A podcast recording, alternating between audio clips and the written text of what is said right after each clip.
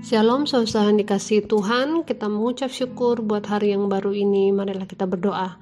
Tuhan Yesus yang baik Bapa kami dalam surga Sungguh kami mengucap syukur buat kemurahan memberi kami hidup hari ini kami rindu Tuhan agar hari ini kami buka dengan ber, berjumpa dengan Engkau melalui firman-Mu. Berbicaralah pada kami dalam nama Yesus. Kami siap mendengar firman-Mu. Haleluya. Amin.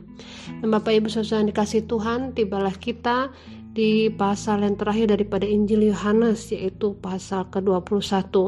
Saya mau membacakan uh, firman Tuhan uh, dari ayatnya. Yang pertama sampai dengan ayat yang ke-14. Demikian firman Tuhan. Yesus menampakkan diri kepada murid-muridnya di pantai Danau Tiberias. Kemudian Yesus menampakkan diri lagi kepada murid-muridnya di pantai Danau Tiberias dan ia menampakkan diri sebagai berikut. Di pantai itu berkumpul Simon Petrus, Thomas yang disebut Didimus, Nathanael dari Kana yang di Galilea, anak-anak Zebedeus, dan dua orang muridnya yang lain. Kata Simon Petrus kepada mereka, Aku pergi menangkap ikan, kata mereka kepadanya. Kami pergi juga dengan engkau.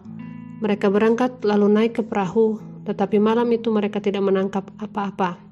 Ketika hari mulai siang, Yesus berdiri di pantai, akan tetapi murid-murid itu, itu tidak tahu bahwa itu adalah Yesus. Kata Yesus kepada mereka, Hai anak-anak, adakah kamu mempunyai lauk pauk? Jawab mereka, tidak ada. Maka kata Yesus kepada mereka, tebarkanlah jalamu di sebelah kanan perahu, maka kamu maka akan kamu peroleh. Lalu mereka menebarkannya dan mereka tidak dapat menariknya lagi karena banyaknya ikan.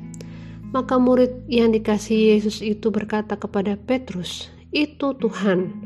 Ketika Petrus mendengar bahwa itu adalah Tuhan, maka ia mengenakan pakaiannya sebab ia tidak berpakaian, lalu terjun ke dalam danau.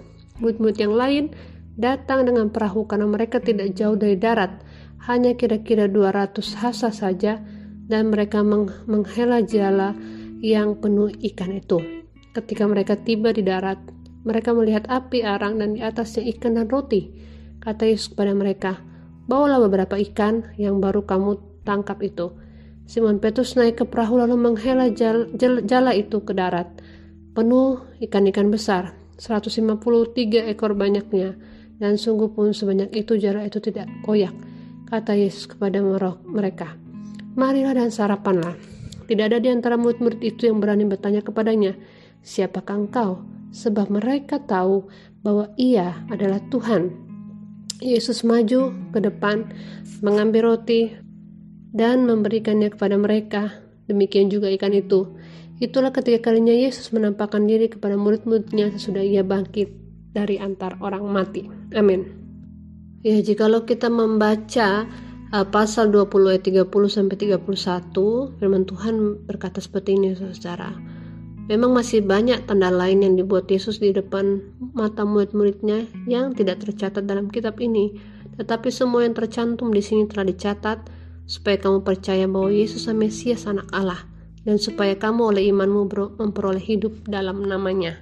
Nah, saudara, uh, uh, tema utama daripada Injil Yohanes adalah supaya pembacanya atau supaya orang-orang yang membaca uh, kitab ini menjadi percaya. Percaya kepada siapa? Kepada Yesus.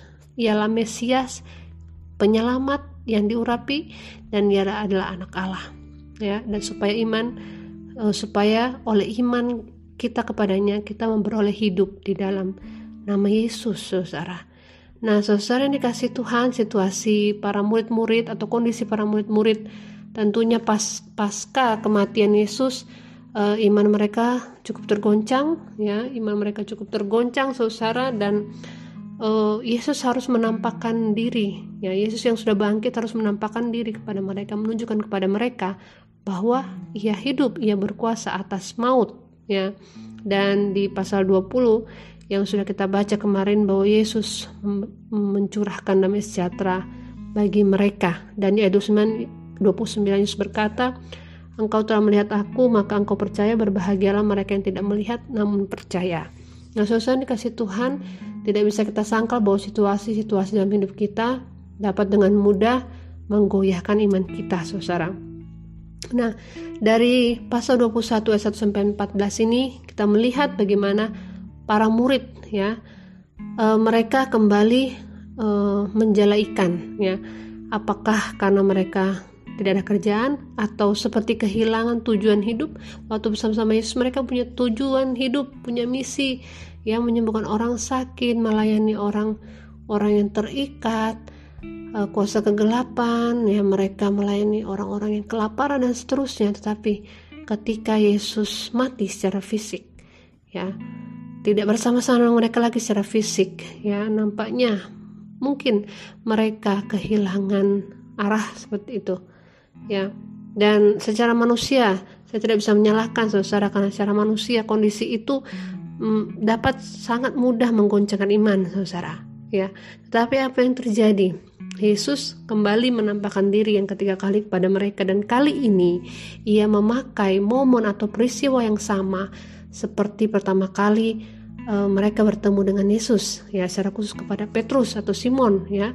Ia uh, pertama kali perjumpaan yang berkesan dengan Yesus adalah ketika ia uh, juga uh, Yesus melakukan mujizat dengan memberikan ikan untuk ditangkap oleh Simon dan mengajak Simon menjadi penjala manusia, saudara. Dan peristiwa yang sama itu Yesus pakai untuk membangkitkan kembali iman uh, para murid yang ada di situ. Ya, salah satunya adalah Simon Petrus. Atau kau saudara, kita dapat belajar daripada ayat-ayat ini bahwa sering kali ya ketika iman kita mulai goyah kita harus kembali mengingat saudara, kembali mengingat peristiwa yang mungkin sudah lampau yang pernah membangkitkan iman kita ya. Atau lebih tepatnya lagi kita kembali mengingat perbuatan-perbuatan besar Allah dalam hidup kita yang pernah ia lakukan saudara. Sehingga kiranya itu tidak itu tidak akan membuat iman kita uh, luntur tetapi semakin seperti menyala ya. Makanya kita kenapa banyak orang suka dengar khotbah-khotbah kesaksian? Karena itu seperti membangkitkan imannya membangkitkan percayaannya betul Ya, apalagi jika lo saudara sendiri yang sudah pernah e, mengalaminya perbuatan-perbuatan Tuhan yang besar, pastilah kita rindu bagaimana supaya imanku terus tetap bertumbuh, tetap menyala, tetap semangat dalam Tuhan. Ya, kalau hari ini kita merasa doa kita belum dijawab, penyakit kita belum sembuh, e, keinginan kita belum terpenuhi, saudara, bukan berarti Tuhan tidak bekerja dalam hidup kita. Tuhan senantiasa bekerja. Ingat kembali perbuatan-perbuatan Tuhan yang lampau Amin, saudara. Kadang-kadang kita perlu berdoa lebih kuat lagi Tuhan. Ya, imanku mulai goyah. Ingatkan aku kembali akan akan perbuatanmu yang besar. Nyatakan lagi sekali lagi Tuhan akan kuasamu yang dahsyat dalam hidupku. Kadang-kadang Tuhan akan izinkan kita untuk untuk mengalami situasi seperti para murid ini ya Tuhan menyatakan sekali lagi atau kadang-kadang Tuhan seperti uh, berdiam diri menurut kita tapi kita terus berdoa, kita terus berharap, percaya. Ya, dan marilah kita lebih memilih untuk mengingat akan perbuatan-perbuatan Tuhan yang besar dalam kehidupan kita. Hidup kita adalah kemurahan Tuhan dan biarlah kita hidup mempercayai bahwa Dia berkuasa di atas segala permasalahan, di atas segala ketakutan, di atas segala kekhawatiran kehidupan kita. Amin. Mari kita berdoa.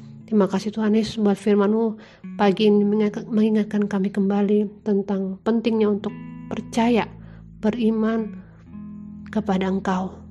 Apa pun ke, ke pergumulan kami, apa pun yang menjadi tantangan hidup kami, masing-masing kami mungkin mengalami hal-hal yang berbeda, tapi Tuhan kami memiliki Allah yang sama, yaitu Tuhan Yesus Kristus, Allah yang berkuasa atas sakit penyakit, atas maut, atas penderitaan apa pun, tantangan apa pun, di dalam nama Yesus kami serahkan hidup kami ke dalam tangan Tuhan. Kami mau bersuka cita karena memiliki Allah yang besar, Allah yang ajaib, yang namanya adalah Yesus, Sang Mesias, anak Allah yang hidup. Terima kasih Tuhan, dalam nama Yesus kami berdoa. Amin.